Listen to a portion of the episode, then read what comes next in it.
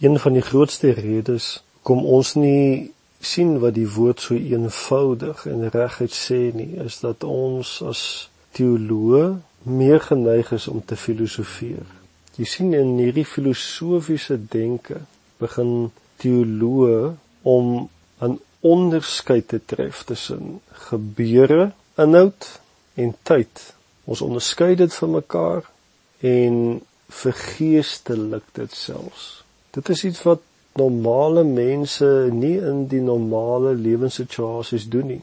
Jy sien daar's teoloë wat glo selfs dat Christus nooit fisies opgestaan het uit die dood nie.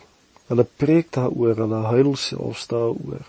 Is geweldig emosioneel daaroor, want hulle glo dit het geestelik gebeur en in die denke van die mense. Die Bybel sê hele paar keer dat ons gesterf het en opgestaan het met Christus.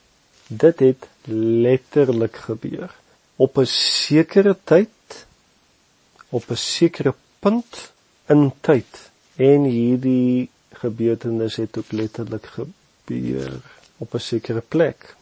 Ongelukkig as ons die Bybel lees en interpreteer, dan vertel ons mense dat hulle slegs doodgaan as hulle Christus aanvaar.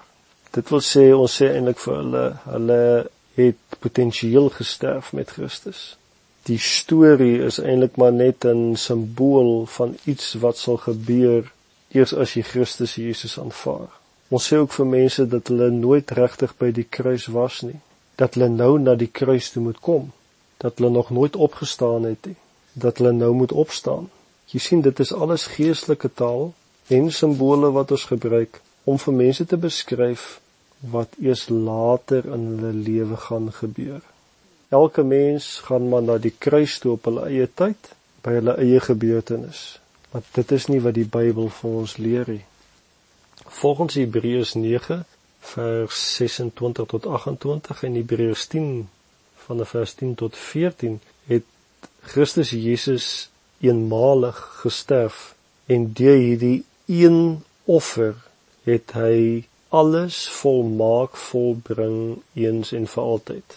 Ons vertel baie keer vir mense hulle het hulle eie kruis dood en opstanding wat ons kan verbind met wat met Christus gebeur het.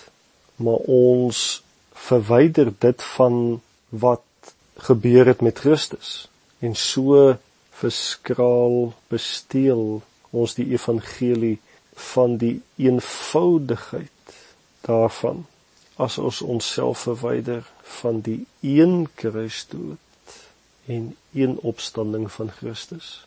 Ons maak alles dan so ingewikkeld.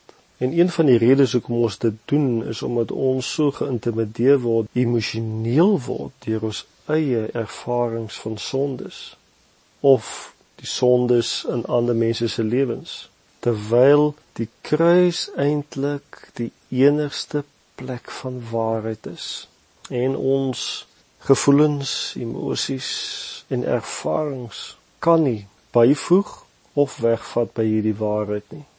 2 Korintiërs 13 vers 8 sê want ons kan niks doen teen die waarheid nie, maar wel vir die waarheid.